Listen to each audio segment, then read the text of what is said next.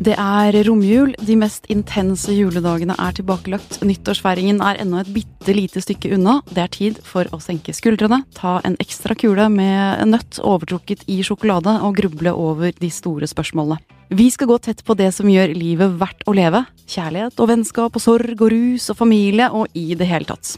De to som skal hjelpe oss med det, eh, er dagens gjester i studio. Psykolog og skribent Peder Kjøs, hallo. Hei. Velkommen tilbake. Takk. Og filosof, skribent og seniorrådgiver i Human-Etisk Forbund, Kaja Melsom. Begynner også å bli en gjenganger i podstudio. Andre gang. Det er Takk. fint. Hyggelig å være tilbake. Jeg tenkte at vi skal dykke ned i VG Helgs intervjuflate Livet lært, hvor bra folk som er fra 65 år og oppover ser tilbake på livet sitt og deler kunnskap om hva som faktisk har betydd noe. Hvordan bør vi mennesker være mot hverandre? Hvordan skal vi gjøre livene våre litt bedre? Den type ting. Vi skal ta for oss noen punkter som de gamle snakker om, og se om vi kan bli like kloke som dem, eller kanskje til og med bitte grann klokere. Eh, Første punkt makt. Terje Røe Larsen, eh, sosiolog, diplomat og tidligere Ap-statsråd og FNs spesialutsending, han sa i sitt Liv og lært-intervju, som han ga for to år siden, da han var 65, at makt, det er noe som det går an å bli beruset på. Og så sa han også at han har lagt det fra seg og vært beruset på mange andre ting. Men altså, det å bli rusa på, eh, på at man har innflytelse, da. At folk snur seg til deg og ser på deg og henvender seg til deg, og du er sjefen for et eller annet. Tror dere det går an? Ja, å bli berusa av det? Mm. Ja, tenker jeg er helt opplagt at det går an. Så jeg kjenner nå at jeg har opplevd altfor lite av det, men eh, det, Fordi at makt er jo Det er litt sånn interessant det at makt er et så vanskelig ord, fordi at det er jo en voldsom ambivalens ved makt som fenomen, ikke sant. At du eh, Det å ha makt er jo muligheten til å få vilja si, da. Få ting sånn som man vil ha dem. Samtidig så får du da også ansvaret for hvordan ting blir, og det er ikke alltid så ålreit. og Pluss at vi alle mener noe om de som har makt, og alle vet jo hvordan det er å være nede i en maktpyramide, og du vet da, hvis du kommer opp i maktpyramiden, så vet du hva de nede tenker. Og det er jo ugreit. Noe av det. Ja, jeg, Kaja, for deg er makt positivt eller negativt ladet? jeg tenker at eh, sånn egentlig eh, så er det jo verken det ene eller det andre. Det er nøytralt. Eh, Det er, makt er et middel til noe, ikke et mål i seg selv. Altså Hvis man behandler det som et mål i seg selv, så går det gjerne gærent. Men jeg, men jeg tenker at det ofte er at det har en negativ klang fordi vi elsker å snakke dritt om de med makt. Og det er jo de Alle oss på gulvet elsker jo når, det, når vi kan ta de, de på toppen for, for å være onde eller gærne eller hva det måtte være. Eh, Og, og vi i media. Altså Ingenting er jo media. bedre enn når en makthaver tråkker feil. Det Og er jo samtidig, fest. og samtidig som vi beundrer dem, da. Ikke sant? Ja, Ja, og det er jo, for å dra inn en filosof her, eh, Nietzsche For jeg tenker vi er jo veldig påvirket av en kristen kultur, eh, og Nietzsche mente at hele den kristne verdi... Eller hele kristendommen, det er en slavemoral. De kristne var egentlig slaver som levde under ikke sant, nedrige liv, skikkelig skittliv i forhold til herrene, som da var på toppen og veltet seg i luksus og hadde det kjempebra. Eh, Og egentlig var jo alle misunnelige på herrene, eh, men i stedet for da å kjempe, ta opp kampen med dem eh, for å få maktposisjonen selv, så lagde de seg en moral, den kristne moralen, hvor man sa at de som er mektige, de er onde og slemme, mens vi som er fattige og lever et lusent liv, vi er gode. Salige er de fattige, ikke sant? Eh, Og dette er jo den misunnelsen Jeg tror alle kjenner seg, om ikke man er enig i analysen til Nietzsche her, så, så kjenner vi oss igjen i det der at det gjør godt å se på de på toppen som egentlig onde, og at de har fått sin posisjon, at den er litt ufortjent. For vi skulle jo så ønske at det var vi som var der. Ja, ja. Og, og det som, og det som liksom det eneste som kan hemme maktutfoldelsen, er jo medlidenhet, ikke sant. Og, og medlidenhet koster jo. Det, det å være hensynsfull og ta, ta andres ve og vel i betraktning, det koster. Og er vanskelig. Og der ligger jo liksom dilemmaet med makt, da. Mm. Jeg tror jeg derfor jeg sjøl liksom syns at det med makt er så er så ugreit, da, fordi det blir så mange hensyn. Det blir så mye du må liksom passe på. Det blir så mange muligheter til å tråkke på folk, da. Mm. Og det er veldig eh, Ja, veldig ambivalent. Og noen klarer jo veldig fint å ikke bekymre seg så mye for det. Og de, og de er veldig redde for, Det er de, det er de glade makthaverne. Ja, de glade makthaverne. makthaverne. Og de liker vi jo veldig dårlig, da. Ja. Men eh, det er flere som har snakket om makt og for så vidt fremgang. Altså Arja Sayonma, denne artisten, 'Jeg vil takke livet', eh, har jo vært i et av VG Helgs sine portrettformater, hvor hun blant annet sier at fra toppen vil det bare gå nedover. Eh, så mye har jeg studert de vellykkede, de med fremgang og makt, at jeg har sett at fremgang bare kan være korrumperende. Du begynner å tro at du er noe, og det er det verste. For om du bare vil jage fremgangens falske lys, er det begynnelsen på slutten. Er det det? Altså når du sitter som den, den ubekymrede makthaveren på toppen, er det da du egentlig vet at nå faller jeg snart? Jeg tenker det er en eller annen sånn rockestjerne som har sagt det er veldig viktig, jeg husker ikke hvem, eh, men det er utrolig viktig å behandle de rundt deg eh, pent når du er på vei oppover, for det er de samme folka du møter på vei nedover. Eh, Men jeg tror det begynner å tippe hvis du begynner eh, Hvis du, hvis du mister av syne eh, hva du vil bruke makten til, hvis du blir mer opptatt av din egen maktposisjon og sole deg i glansen, eh, og glemmer og mister prosjektene som faktisk forhåpentligvis brakte deg til topps, da. Eh, det tenker jeg. Eh, og Platon, han sier eh, de som, de som vil ha makt, bør ikke få det. Eh, for de elsker makten for maktens skyld, mm. mens makten er et middel eh, til å oppnå, til å realisere det gode og det sanne. Derfor bør filosofene være konger. Det Mm. Det liker hva- jeg godt. Og hva var Platon? Platon var filosof. Så vi har en filosof i studio. Da føler jeg at vi har satt rangordningen på plass her også. Men altså, oppsummering, da. Makt. Uh, ubekymrede makthavere, glade makthavere. De har vi ikke så stor tiltro til, men kanskje de makthaverne som har mening og litt bekymring med seg, eh, ser vi litt mildere på. Eh, et annet av livets store tema som selvfølgelig dukker veldig mye opp når vi intervjuer folk i VG Helg, det er kjærligheten. Jeg har nå lyst til å sitere Arild Andersen. Eh, han eh, sa dette her da han var 70, han er jazzmusiker. Eh, kjæresten til Hege Skøyen, for den som ikke vet det. Jeg kan ikke be om mer enn kjærlighet, altså. Det å kunne bli storm, stormforelsket i voksen alder har jeg sett på som en gave. Det er så mange ting som ikke trenger å utredes i forhold til om du er stormforelsket når du er 16 år. Når du er 35, da er det lagt til side, og du kan bare gå inn i et forhold med en voksenmentalitet, og det har jeg satt veldig pris på at jeg har opplevd. Eh, hva tror dere om denne tolkningen av forskjellen på liksom ung og gammel kjærlighet? Er kjæresterier og forelskelse rett og slett gøyere når du har bikka 35 enn når du er 15? Eh, vanskelig spørsmål, altså. Fordi at um, For noen så er jo kjæresteriet mye vanskeligere og vondere når du er 35 enn da du er 16, fordi det står mer på spill, da. Um, det føles, det er selvfølgelig Når du er 16, så føles det som om hele livet står på spill, men det gjør det når du er 35 også. Eller 70 for den saks skyld. Sikkert, jeg vet ikke. Det får finne ut om en stund. Um, så så jeg, vet, jeg vet ikke om de forskjellene er så store, egentlig. Jeg tror Jeg, jeg tenker at eh, jeg nesten vil si at det er motsatt av det han her sier, fordi jeg tror det blir vanskeligere med åra å leve sammen og treffe noen nye. For stort sett så blir vi vanskeligere mennesker jo flere sår og arr og flere ganger vi er avvist, og jo flere traumer vi har med oss i bagasjen. Vi blir i hvert fall ikke mer harmoniske og lettere å leve med enn vi var som 16-åringer, tror jeg.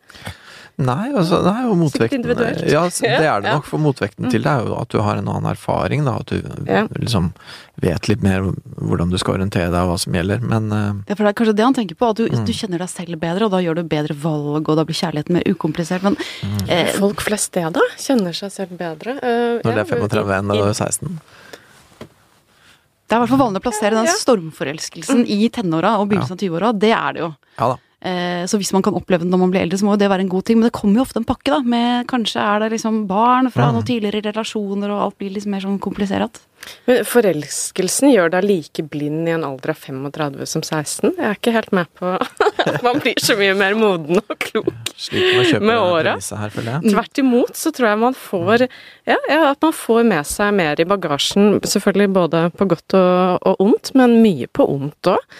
For flere nevroser som den du treffer skal hanskes med, osv. Ja. Mm. Og den du treffer har også flere nevroser. Ja. Dårlig miks. Ofte.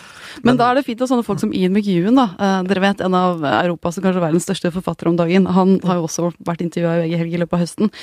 Hans beskrivelse av kjærligheten er slik. Jeg mener at en av de største opplevelsene i voksenlivet er å være seksuelt forelsket og forelsket. Kombinasjonen er det nærmeste man kommer å kjenne en annen person. Når de to er knyttet sammen, er det antagelig det nærmeste vi kommer paradis på jorden. Eh, Altså, han eh, skiller jo da her åpenbart ikke mellom den sånn kameratslige, vennskapelige kjærligheten og den fysiske kjærligheten. Begge deler må være til stede, og i like rikt monn. Er dere enig? Jeg tror jeg er mer tilbøyelig til å være enig eh, her, altså. Um, for, for, egentlig både Arild Andersen og Ian McEwan her nevner jo denne, det der å være stormforelska, da. Ikke sant? Og det er jo noe man Ja, det er jo en veldig potent eh, kombinasjon. Ja, og når, når det liksom er både seksuelt forelska og forelska på en sånn, ja Fins det andre ja, Det vel andre former for forelskelse, kanskje? Det er ikke en forelskelse. Ja.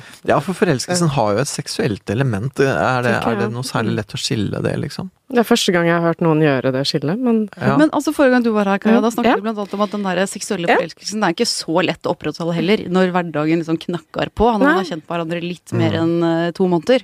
Eh, man begynner med klesvasken og matpakkene og alt det der. Eh, det er klart, og, og, og, der tenker jeg vel at, at det kanskje mer er en slags overgang mellom forelskelse og eh, kjærlighet som er eh, litt mer rotfesta, eller litt dypere, eller litt mer utvikla, eller hva man skal si. Mm. Og der er det vel litt sånn at i, uh, i vår tid og vår kultur, da, så dyrker vi veldig forelskelsen. Mm. ikke sant? Vi vil veldig gjerne ha den. Og den kan jo ikke vare. Ja. Men det er, jo, det er, jo, en sånn ting som folk går rundt og sier, ja, vi er like forelska som mm. da vi møttes. Og det mm. tenker jeg, det er du ikke. Det er bare, det er bare en sånn ting man sier. Ja. For, for det, men derimot så har det gått over til å bli en eh, moden kjærlighet, da, i, mm. i heldige tilfeller. Og det eh, men, men, vi dyrker veldig forelskelsen.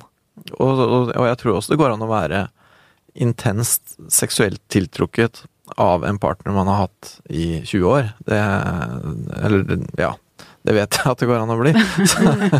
Eh, sånn, at, sånn, at, jeg tror at, at liksom forelskelse, seksuell tiltrekning, kjærlighet Det er ja, kanskje vanskelige begreper å skille helt fra hverandre òg, men mm. Mm.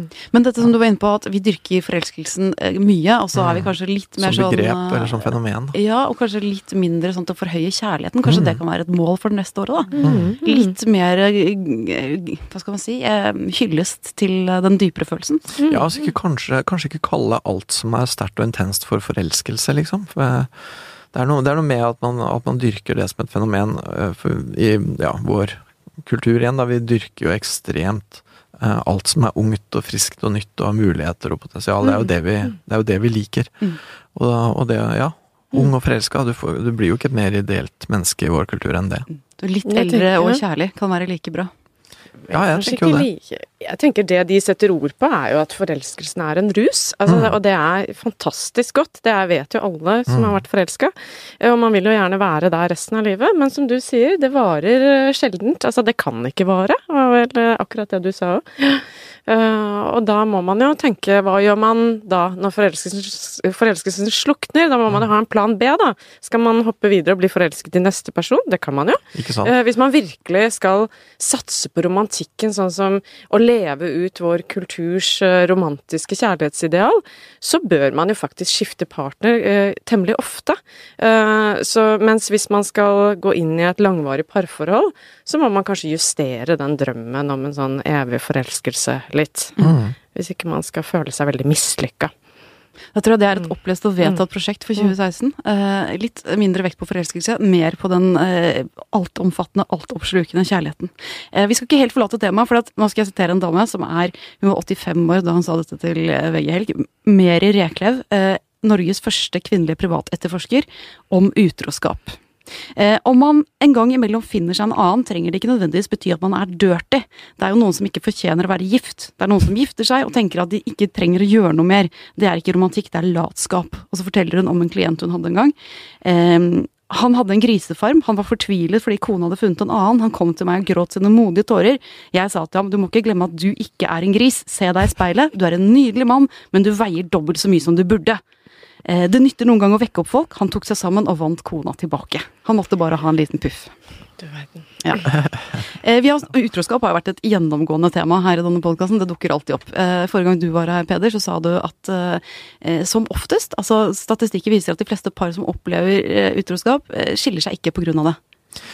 Ja, veldig mange opplever utroskap og blir ikke skilt av den grunn, men eh, det er viktig å også understreke at veldig mange av de som blir skilt, oppgir utroskap som en av de viktigste grunnene. Mm. Sånn at eh, Så det er ikke liksom Det er ikke liksom bare å kjøre på, da. Ofte så er det vel utroskap i en overgang Ja, det er Altså, ofte en del av et større bilde, ikke sant. Ja, det er ofte en del av slutten. ja, så hva som, for, for man er jo ikke det sånn helt uten grunn heller. Nei, det er mange andre ting som har skjedd Ja. i den Mm. relasjonen før Mm. utroskapen skjer. Ikke sant? Og så når man uh, velger å fortsette sammen, da, så er det jo fordi at forholdet er jo mye annet enn bare akkurat Mm. den litt sånn kontrakten. Det er veldig mye annet som står på spill også. Mm. Så noen ganger så velger folk uh, å legge større vekt på de andre tinga som er Mm. som tross alt holder en sammen, da. Men jeg tenker med utroskap, eh, i og med at vi snakket om dette romantiske kjærlighetsidealet i sted, eh, så tenker jeg at eh, det at vi blir så opprørte av utroskap, det forundrer meg egentlig. Fordi at eh, for det første vet vi statistisk sett at det skjer mye. eh, Og vi vet også, siden vi nå sitter og sier det, eh, forelskelse og begjær er Det varer ikke evig. Så hvis man lever i et langvarig forhold, så vet vi rasjonelt sett at partneren kommer til å begjære veldig mange andre enn akkurat deg i løpet av det lange forholdet. Men likevel blir vi helt forferdet og sjokkert hvis det leves ut. Og det tror jeg har å gjøre med at vi vil gjerne eh, at eh, forelskelsen og begjæret ikke bare skal være starten på forholdet, men limet i forholdet. Så vi ser på det på en måte som det eh, ultimate svik hvis partneren begjærer noen andre, da. Og hvis man virkelig får bevis for at den andre gjør det, da tenker man ja, men da er det jo ikke liv laga. Fordi uh, det eksklusive begjæret skal jo på en måte Vi får Vi ønsker at det skal være limet i forholdet, da. Mm. Selv om vi vet at det ikke er det. Men sitter du nå og holder en sånn liten flammetale for at man bør få lov til å utøve litt begjær på siden? Altså får man heller liksom være i en ordentlig dype relasjon med partneren sin? Er det, skal jeg tolke det helt dit? Eh, jeg tenker at man, man må jo selvfølgelig det, det- At dette kommer an på hvordan avtale man lager da, når man går inn i et forhold. Det er klart, Hvis man har lagd en avtale om å være tro, eh, og det er dealen, som det er i de fleste forhold, så vil det være utilgivelig å være utro. Altså Da bryter du et løfte, og er det noe et forhold som er viktig i et forhold, så er det jo tillit. Men det går an å lage andre avtaler enn den normale avtalen. Men jeg er mest opptatt av at jeg syns det er noe paradoksalt med at vi satser på virkelig det langvarige forholdet, som, uh, som hvor trygghet og stabilitet er veldig viktig, og vi vet at det nører ikke akkurat opp under begjæret. Samtidig så blir vi veldig overrasket uh, når den Ja, når, når, eh, når man egentlig ser ser ting som er helt opplagt. Ja. Men det er jo ofte fordi følelsene koker, selvfølgelig. Mm. Én ting er å akseptere rasjonelt at det er det, men du verden når det skjer. Ho. Mm. Eh, Peder, disse som da går tilbake, som velger å, å få forholdet sitt til å gå tross dette tillitsbruddet. Eh, går det an å få det like bra som før, tenker du som terapeut? Eller er det en eller annen magi som var der, et eller annet liksom, som har gått i knas, som man ikke får pusla sammen igjen? Ja, det er jo nesten umulig å svare generelt på, vet du, for, fordi at det kommer jo så veldig an på hva slags prosess Mm. eh, som da blir starta opp, og det kommer også selvfølgelig veldig an på hva slags prosess som har ført til at det har skjedd. Da. For hvis forholdet skranta litt og hadde noen sånne fundamentale mangler, egentlig, så kan jo noen ganger en sånn hendelse bli en slags vekker, hvor man blir nødt til å gå ordentlig inn i hva eh, skal det forholdet her være, og hva legger jeg i det, hva betyr det for meg, og at man på en måte eh, investerer på nytt, da, og liksom eh, på en måte bygger det opp helt fra bunnen av, hvor det kanskje var noen sånne grunnleggende designmangler, da. Så, men, eh, men det er jo ikke Men det, det er litt som Du vet sånn som hvis du får en eller annen forferdelig sykdom, så sier du etterpå når du har overlevd at jeg er glad jeg fikk det, fordi at det ga meg et nytt perspektiv på livet. ikke sant? Og sånn, Det kan det også være, men det er jo ikke dermed sagt at det er kult å ha en dødelig sykdom, liksom. Mm, du velger ikke kreft. Nei, nei, hvis du har noe valg, så gjør du jo ikke det. Og, og, og, og, og akkurat sånn er det jo med utroskap. Ja, det var vel egentlig Ja, ja det er vel Sissel Gran som sammenligner det med kreft, tror jeg. Mm. At liksom Du vil jo ikke ha det, men når du først har det, så kan du lære noe av det. Mm. ikke sant? Og, og det tror jeg hun har helt rett i. Vi lar det være siste ordet i den runden. Eh, klare avtaler da, for hva som skjer. Eh, og hvis man er kreftoverlever, så, så lykke til med det. Ja, jeg, ja, jeg tenker litt sånn klare avtaler. Jeg er litt sånn usikker, jeg, altså. For det Nei, men jeg, jeg er enig. ass. Det er utrolig mange eksempler på folk som er blitt veldig ulykkelige i forsøket på den type åpne forhold, så det var ikke fra Ja, min ja, side sånn, mm. eh, meningen å promovere det åpne forholdet, men, men jeg tror skuffelsen henger sammen med hvilke forventninger og hvilke avtaler man har, eh, og hvilke syn man har på hva som er realistisk å oppnå i et parforhold, da. Og jeg tror kanskje vi, ja, vi forventer litt for mye av partneren. Ja. Forventningsstyring, avtaler eller bare eh, ren og pur troskap. Det er også fint. Eh, en annen størrelse, eh, penger. Igjen Ian McEwan. Aldri tro på noen som sier at penger ikke gjør deg lykkelig. Det er en av de store løgnene. Det er fantastisk ikke å måtte bekymre seg for penger. Jeg er aldri blitt vant til det. Det forbauser meg fortsatt at jeg har nok penger til å gjøre det jeg gjør.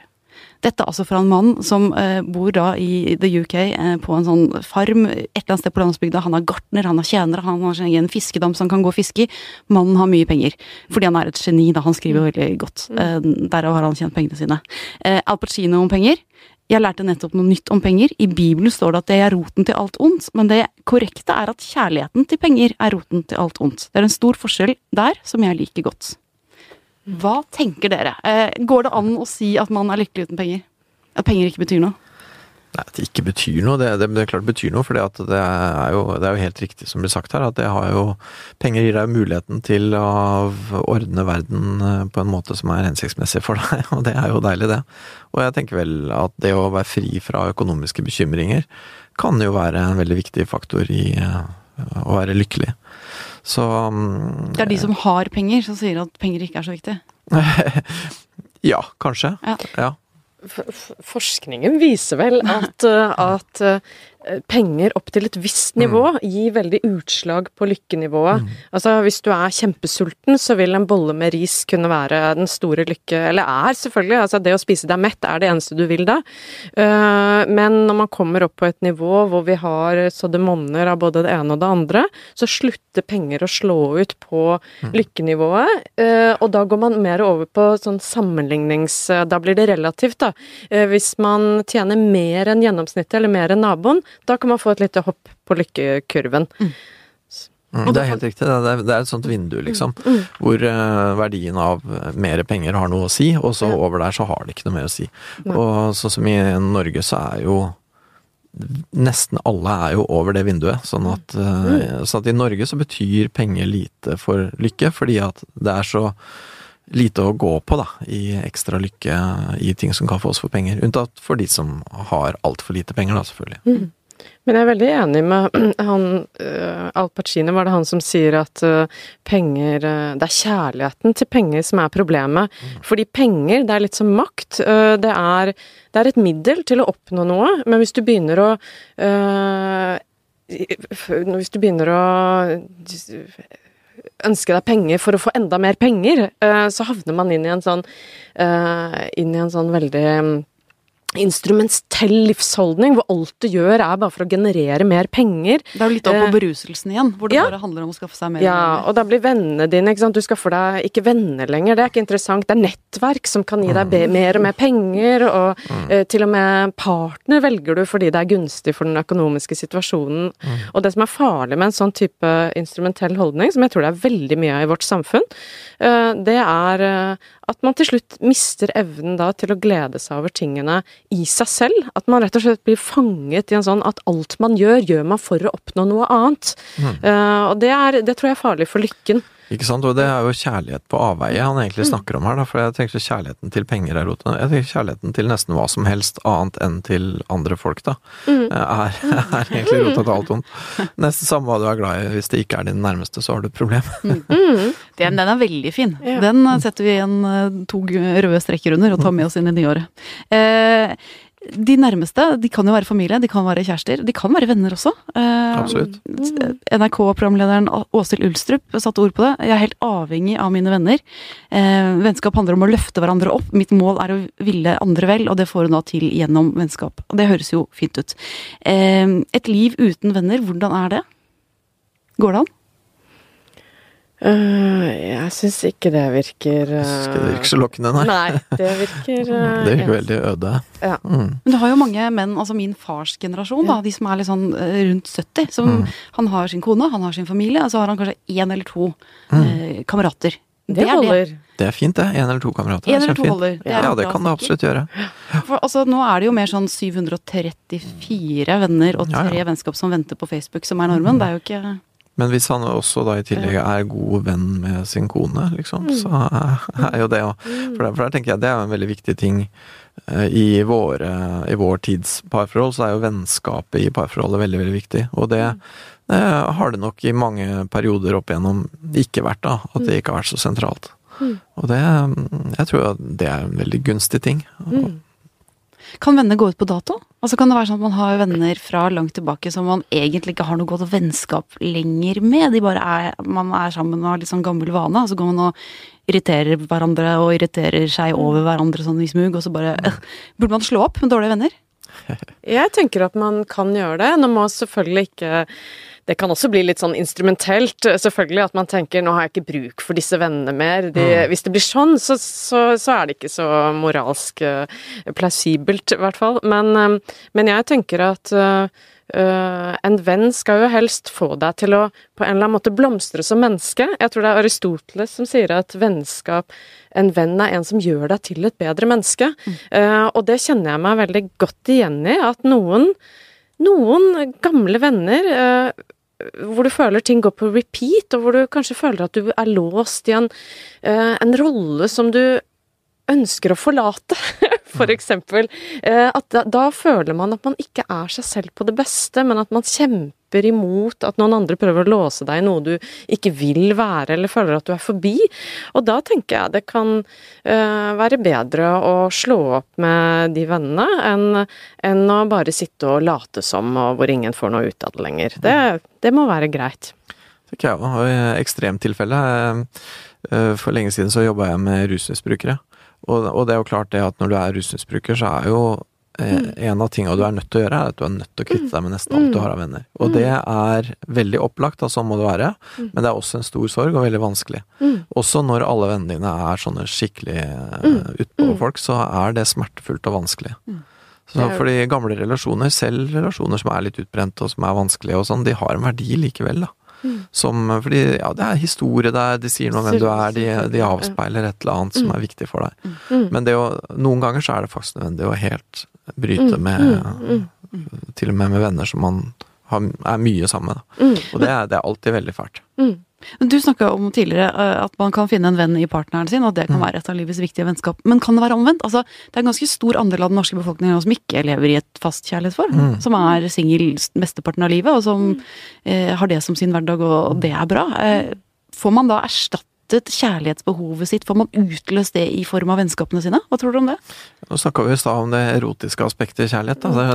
Det, blir jo fort en kompliserende faktor. Jeg har ikke så veldig tro på det her fuckbuddy-begrepet. Men øh, gode venner er du jo glad i, øh, på en måte som ligner veldig mye på sånn man er glad i øh, ja, eh, kjæresten sin, da. Og ja, Så jeg tenker, det er, jeg tenker det er helt opplagt at du kan være veldig, veldig glad i nære venner. Mm. Så får du få dekka det fysiske behovet på et annet vis, da. Ja, det må man jo da. Ja, det fins jo en behov ja, ja. Det er en del som lever i sølibat. Mm, Så jeg tenker behov og behov der, og ja. Det er oppskrytt det hele, eller? Nei da, det er ikke det. Men det er, jeg vet ikke, er det et annet tema, eller er det Kanskje et annet tema. Men jeg tenker generelt da at vi har et veldig nedlatende syn på single mennesker. Altså det er ikke et reelt valg i dag om du vil være singel eller i et parforhold, for det å være singel blir sett ned på. Eh, og jeg ser nå, det kommer jo sånn, trendene kommer fra USA, uh, og nå har det f nylig vært en bok om frivillig barnløse, som ønsker å heve og si at nei, vi, det er ikke synd på oss, dette er noe vi har valgt selv, vi ønsker ikke barn og er happy med det. Og nå er det samme kommet i forhold til det å være enslig. Det er en, eh, en bok, 'Spinster', en dame som har skrevet om at hun har valgt bort mann og barn, og er eh, lykkelig med det. Og jeg tenker det, det trenger vi, fordi eh, det er mange mennesker, det er jeg helt overbevist om, som lever mye bedre uten å være i et forhold, enn dersom de skulle være i et forhold. Og jeg tror mange blir presset inn i forhold som hadde hatt det bedre av ikke å være i et forhold. Så respekt for singellivet og et Mm. Ja, eh, dårlig forhold er mye verre enn et ikke-forhold. Eh, Kan være. Kan være. Eh, over til et annet tema, da, som både single og de i parforhold uh, nyter. Mange av dem, i hvert fall. Eh, Barne-TV-dronningen Vibeke Sæther, eh, 72 år, lærte av sin bestemor om alkohol. Du kan godt fukte talentet, men du må ikke drukne det. Eh, nå er det jo jul, og det er mange som drikker en akevitt og andre ting, og litt sjampis på nyttårsaften osv. Eh, og så sier man at hvis alkohol hadde kommet på markedet i dag, som et nytt rusmiddel, så hadde det blitt forbudt med én gang. Eh, hva tror dere om det? Trenger vi en rus innimellom, vi folk flest? Eller er nordmenns måte å nyte alkohol på helt på jordet? Ja, igjen så er det vel det er behov eller ikke. Jeg tenker det er i hvert fall lyst, det er i hvert fall noe som man har lyst på. Men om det er behov, det går fint an å leve et helt liv uten rus, liksom. Det er jo noen som gjør det. Men, eh, men Man blir eh, litt kjedelig. Jeg ville synes det, men eh, det er, det er stor forskjell på det. Noen syns jo liksom at det er Ja, det er du vet, litt sånn, der, sånn straight edge-ideologi. At det er liksom, at det er liksom Fyll deg falsk idyll. Ja, om å gjøre å liksom holde seg skjerpa og holde hodet klart og sansene på plass. Og, og, og fukte talentet og drukne det. Jeg tror det er veldig, veldig mange ting som er litt krevende, da, som uh, ikke blir noe bedre om du prøver å gjøre det med rusa tilstand. For å si det sånn. Det er jo klart at det er jo Det å være berusa er jo en tilstand som umuliggjør en god del andre ting, liksom. Eh, men eh, jeg vet ikke, jeg. Jeg syns jeg, sy- jeg syns rus som eh, et unntak, noe som man gjør av og til, og noe som på en måte ikke går utover andre ting for mye, eh, jeg tenker det er uproblematisk, men uh... Jeg tenker, altså Folk har rusa seg i alle tider og i alle kulturer, og Uh, det finnes til og med dyr som gjør det. Ja, ja, det ok. Eh, Men, men Og vi sier ofte at det å ruse seg der og flykte fra seg selv, men, men jeg ser ikke helt sånn på det, fordi jeg tror vi eh, Vi er ikke Vi har ikke noe sånn selv å flykte fra. Vi er først og fremst et forhold til verden og andre mennesker, og det kan bli veldig sånn eh, fornuftsstyrt og anstrengt og stressa, det forholdet, eh, i hverdagen. Og da tenker jeg vi har godt av å, eh, å ruse oss litt og, og, og løsse Ja, slappe av litt og kjenne på at det f.eks. bare er godt å være sammen med andre mennesker uten at man skal oppnå noe med det. Ja, For å komme seg litt unna den instrumentelle holdningen som vi har snakket om tidligere. Det var en, jeg klarer ikke å komme på hvem det var, men det var en som sa en gang, og også her i poden, at nordmenn er så uptight ofte, de er så bundet, at det skal ett eller to glass vin til før man liksom blir seg selv fullt og helt. da. Ja, ja. Før man begynner å leve ut den- Ja, bare ja. Det. ja. Før man begynner å leve ut den man er, og begynner å være mot folk sånn som man egentlig ønsker å være.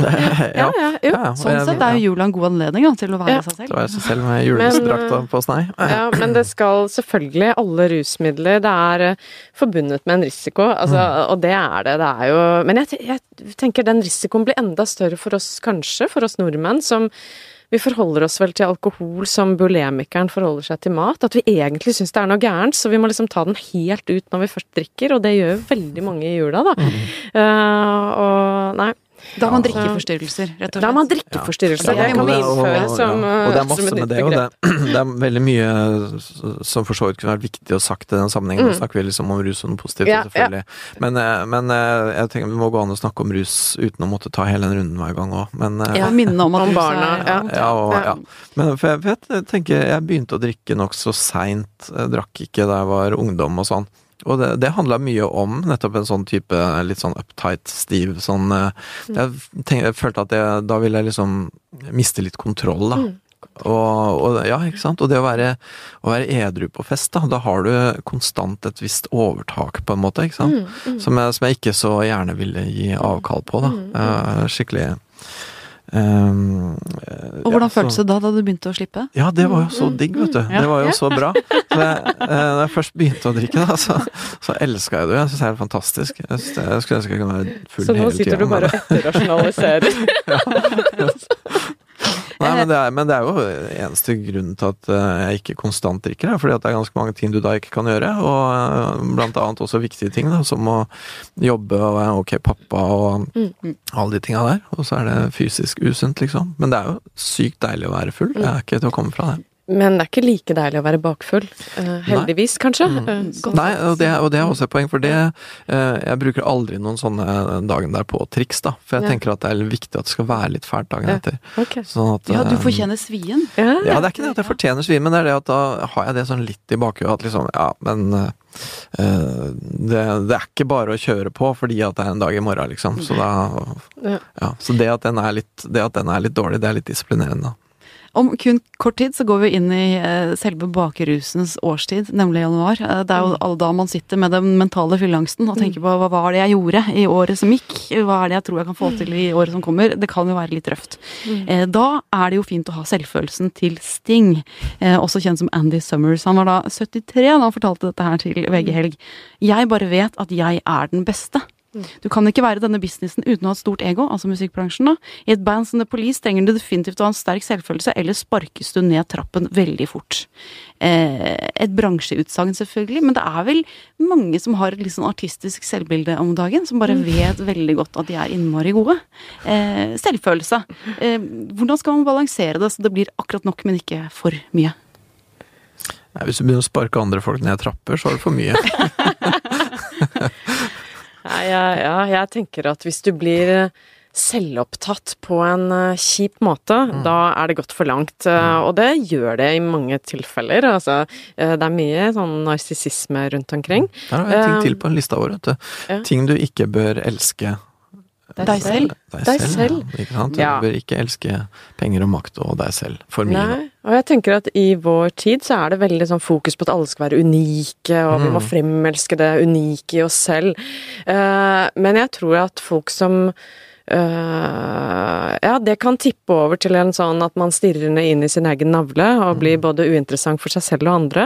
Uh, og jeg tenker at god kunst, da, det er jo folk som eh, tenker på Knausgård, ikke sant. Han er jo egentlig selvopptatt, ikke sant. Han skriver jo bare om seg sjæl.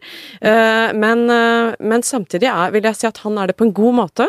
Fordi han skriver om det universelt menneskelige, ikke sant. Skammen. Den har vi alle, og han skriver om det. Og, og, det tror jeg skiller god kunst fra dårlig kunst. Når det bare blir selvopptatthet og fokus på det unike, da blir det uinteressant. Mm.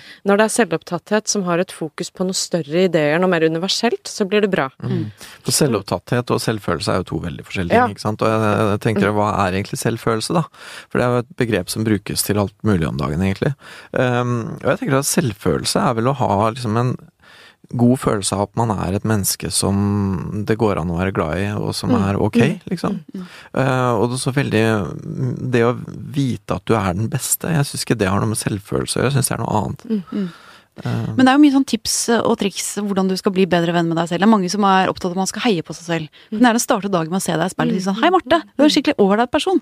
Jeg tror at du kommer til å få en bra dag i dag. Jeg tror det er mye bra for deg. Lykke til gjennom dagen. Men tror du noe på det? Eh, nei, jeg gjør jo ikke Nei, det. Jeg får jo helt angst. Men, Så er det, ikke, er det, ikke, bedre hvis du liksom har da en annen til å si at du er ok, at en annen person som sier at, uh, at han eller hun er glad i deg og liker deg som du er med alle dine feil og mangler og skavanker. Du trenger utenfrablikket ja, på det for at det skal være gyldig. Du trenger det. Du trenger anerkjennelse, og, og er selvfølgelig, da, den beste måten å få det på, er jo å gi det, ikke sant. At du også Hvis du liksom inngår i den typen samspill med andre folk, da, at man liksom anerkjenner hverandre, så vær, vær omgitt av folk som du er glad i, og som er glad i deg, det er jo Jeg tenker det er det gode liv, da. Det tenker jeg er lykken, da. Mye bedre tips. Ja.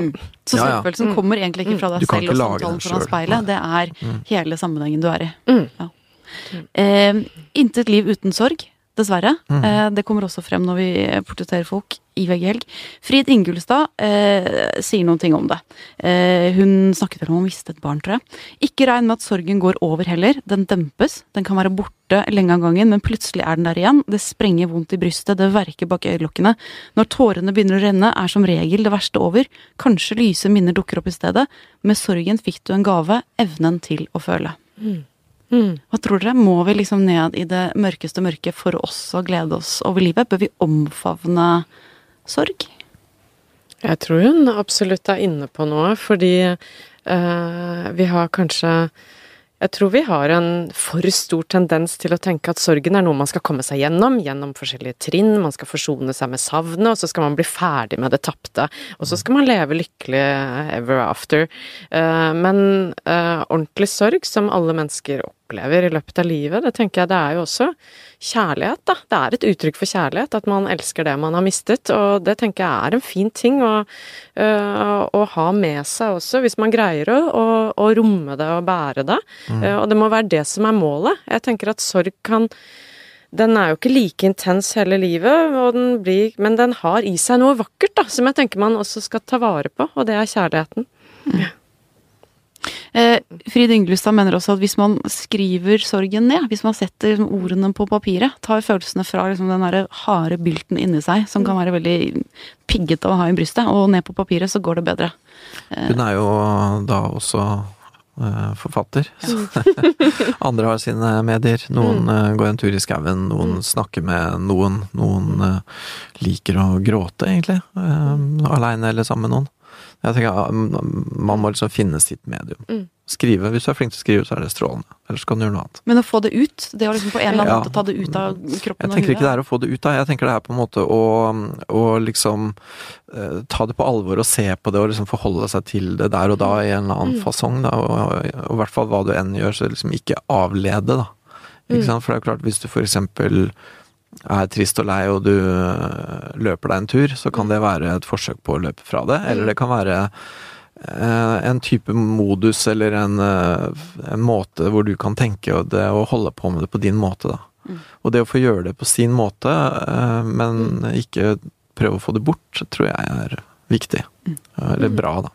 Men du har jo også den sorgen som altså, Det er jo forskjellige ting man sørger over. Eh, mm. Mister du en partner eller et familiemedlem eh, på en stygg og uventet måte, eller etter langvarig sykdom, da er det ingen tvil. Eh, det er klart man sørger. Men så har du også den sorgen som er mindre sånn Som utløser mindre sympati fra de rundt deg. Altså som man kanskje ikke mm. sender blomster til. Og skilsmisse, blant annet. Mm. Samlivsbrudd blir jo omtalt som det. Mm. Er det. Er det mye sorg der ute som, ikke, som burde fått mer oppmerksomhet? Ja, det tenker jeg nok det er. Men det er, det er liksom For sorg har Det er som du sier, det er en veldig lang skala av sorg, alvorlighet, dybde. Um, mye å sørge over, egentlig. Man kan sørge over ting som ingen noen gang får vite. Sorgen over det som aldri ble noe av, mm. det du hadde håpa mm. på som du ikke fikk. Um, sånne ting, ikke sant. Mm. Som, som, jeg i hvert fall som psykolog da, hører veldig mye om fra folk, ikke sant. Og som kan sette vel så stort preg på livet som en Ja, det gjør det. Sånn der, nei, det ble visst ikke sånn, og Livet mitt ble Jeg fikk jeg hadde et håp om at jeg skulle det og det, men så på et punkt så oppdaga jeg at jeg klarer jo ikke det. Jeg har ikke det talentet, eller Midtlivskrisen er jo en ja. sorg over alt du ikke Alt du ikke fikk, ja. Og alt du aldri alt, At du mm. begynner å innse eh, hva du aldri kommer til å få. Mm, mm. Den før mye mm. nevnte 40-årskrisen. Ja. ja da. Ja, som kommer i mange runder opp igjennom, ikke sant. Og det er mange sånne sorger på det der. Men jeg tenker om, om alle de sorgene, så tror jeg at det er lurt å liksom forholde seg til det, da, som det heter. Forholde seg er et sånn universalord, da, som mm. egentlig kanskje ikke betyr så mye, men, mm. men, det betyr i hvert fall noe annet enn å bare prøve å dytte det bort og late som det ikke er der, eller mm. et eller annet sånt. Mm. Men, men, du sier at vi ikke Hvis vi anerkjenner ikke sorgen med en skilsmisse, vi gjør kanskje ikke det Uh, eh, Idet vi treffer folk uh, Jo, vi gjør jeg, jeg bare tenker at vi, sy, vi, sy, vi har en tendens til å sykeliggjøre sorgen også. Folk blir jo mm. sykmeldte når de er mm. etter en skilsmisse og sånn. Da tenker jeg Da er det kanskje fordi vi ikke evner å møte det på en bra måte som medmennesker, da. Uh, så hvis noen vil komme på jobb og bare sitte en hel dag og liksom gråte og dunke hodet i pulten, så Da er det, vil vi liksom heller ha de i senga hjemme, virker det som. Litt sånn. Burde det vært litt mer rom for den ekspressive sorgen i kontorlandskapet? Jeg syns det. ja, det kunne, ja, det tror jeg nok hadde vært ja. bra for mange. Ja. Mm. Da ser man i hvert fall folk har det litt som, som uh, en selv kan ha det innimellom. Ja, ikke sant? Det er, det er, også akkurat det der med skilsmisse, har ikke det blitt litt sånn at, at man snakker ganske mye om det nå? Jo. Jeg har inntrykk av det. Jo. Men sende blomster? Kanskje Nei, det. men sender man blomster i det hele tatt, da? Men da må, blir man part i en sak eh, mm. uh, også, hvis det er et vennepar da, som går fra hverandre. Sender blomster til begge. Sender blomster til begge. Ja, det skal jeg gjøre neste gang. Sender blomster til begge. Den motsatte enden av eh, skalaen fra sorg, uh, lykke selvfølgelig, også tilbakevendende tema i denne poden her. Uh, en av de som satte ord på det, var Anne Grete Strøm Eriksen, også tidligere statsråd. Hun eh, sier at hun eh, kan være veldig eh, perfeksjonistisk av og til. Det er veldig slitsomt. Noen ganger skulle jeg ønske at jeg kunne si dette er godt nok. I livet har du egentlig to valg. Du kan velge å tenke negativt eller å tenke positivt. Hun er veldig god til å tenke positivt, og det er hennes vei til lykke. er det det? Positiv tenkning? Jeg, jeg syns det er altfor mye av det. Jeg, jeg blir bare irritert ja. bare hun sier det der jeg godt også. nok, jeg. Ja, Fordi jeg føler det dette er en sånn, sånn sånn tekst som kunne stått på et sånn kattebilde på Facebook, føler jeg. En sånn pute i sofaen Ja. med god nok. Ja, tenk positivt, liksom. Uh, ja, jeg vet ikke, jeg. Jeg tror, jeg tror at liksom Den der følelsen av at man ikke er fornøyd og sånn, det, er- det er litt sånn derre ting her i livet, da. Man, eh, så man ikke blir kvitt det heller. Akkurat som man ikke blir kvitt sorg, så blir man heller ikke kvitt liksom eh, perfeksjonisme og følelsen av at man kunne gjort det bedre. Jeg tror ikke alltid man kan velge om man skal tenke negativt eller positivt, jeg. Det, det tror jeg også er veldig individuelt, om Ja. man ser glasset halvfullt eller Ja, men for noen av oss er noen ting Dette er negativt. Jeg kan ikke velge å se det positivt. Sånn er det bare. Ja. Og så tenker jeg, er det så fælt? Er Nei, det så noen ting er jo absolutt negative og Ja. bør ses i et negativt ja, så bør man liksom ta, prøve å snu alt til å være positivt hele tida. Er Overhodet ikke. Og jeg tenker, når hun Strøm Eriksen sier at hun skulle ønske hun kunne være mer fornøyd med tingenes tilstand, eller si 'nå Mm. er det godt nok', så tenker jeg jeg tror ikke hun hadde blitt det minste lykkelig hvis hun satte seg ned i godstolen og sa 'nå er ting godt nok'. Hun er en eh, dame som trenger utfordringer, hun mm. er jeg helt overbevist om. Og Eh, og som. Mm. oppsøker det konstant, som trenger problemer å løse osv.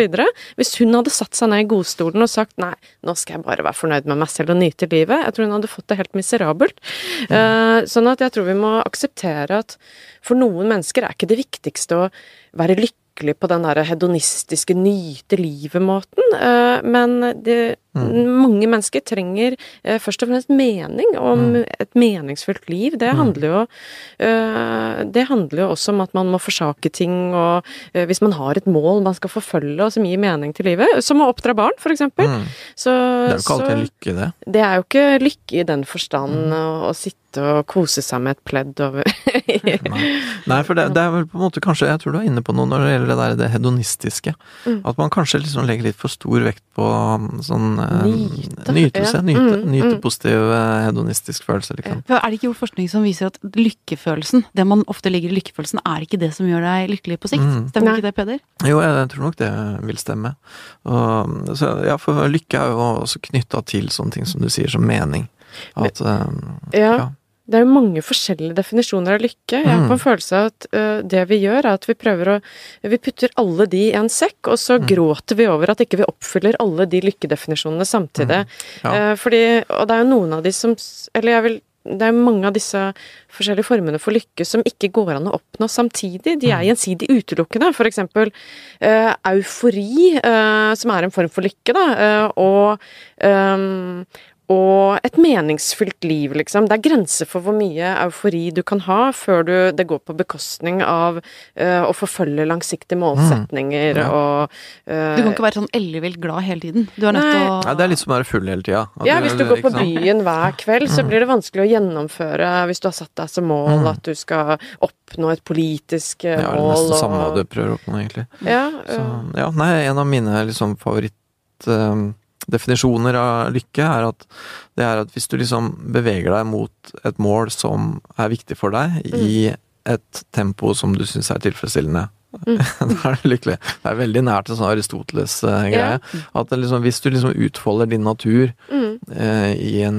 rimelig grad og i et rimelig tempo, hvis du er på vei dit Ja. du vil, da. Men det handler jo om mening og retning, Nettopp. mer enn Mer enn og velvære. Ja. Eller eufori, altså den sinnssyke forelskelsen som Mm. vi for eksempel har vært Ja, for det er det som er bra med den lykkedefinisjonen, er at den egentlig ikke inneholder noen hedonistiske ord i det hele tatt. Nei. Og så er det jo også en lykkedefinisjon kanskje fri for lykkepress, da. For nå er det jo mye sånn at du skal vise frem hvor lykkelig du er hele tiden. Og så Mm. tenker jeg at nei, lykkelig kan være å gå på jobben sin og gjøre, gjøre Nettopp, det man skal. Komme hjem, spise fredagstaco. Ja, Det er jo et paradoks. Jeg ser for meg en sånn karikaturtegning av eh, oss på toppen av Maslows pyramide som sitter og gråter fordi vi ikke er lykkelige nok. Ja, ja, ja, Eh, Det er jo egentlig sånn. Vi har det vi har det egentlig bra, men er jeg kjempebra, nok, men, liksom? men går til psykologen fordi vi, vi kunne vært enda mer lykkeligere. Hvorfor er jeg ikke det? ikke. Jeg tror vi, vi tar og setter et par streker under den også. Eh, lykke har vel så mye med mening å gjøre, og hvis du ikke kjenner deg kjempelykkelig hele tiden, så kan du være da mer lykkelig enn du tror likevel. Mm. Det er veldig fint. Eh, vi kunne jo fint ha sittet her i et par timer til, eh, men jeg tror at denne romjulets eh, ettertanketimen skal være over nå. Eh, hva er det viktigste vi har lært? Egentlig at vi skal ikke elske Det er mange ting du ikke skal elske i livet. For eksempel Ja, det er lettere å oppsummere hva man skal elske, uh, syns jeg. Ja. Eh, Elsk de rundt deg som du bryr deg om, og som du håper bryr seg om deg. Det er vel Verre Ikke er det ikke. elsk egoet for egoets skyld, Ja. ikke penger for pengenes skyld, ikke makten for maktens skyld. Ikke Finn rusen for rusens skyld. nei, finn deg heller noen mål som du etterstreber. ja. Tusen takk til Peder Kjøs, Kaja Melsom og vår produsent Magne Antonsen. Vi høres igjen i det nye året.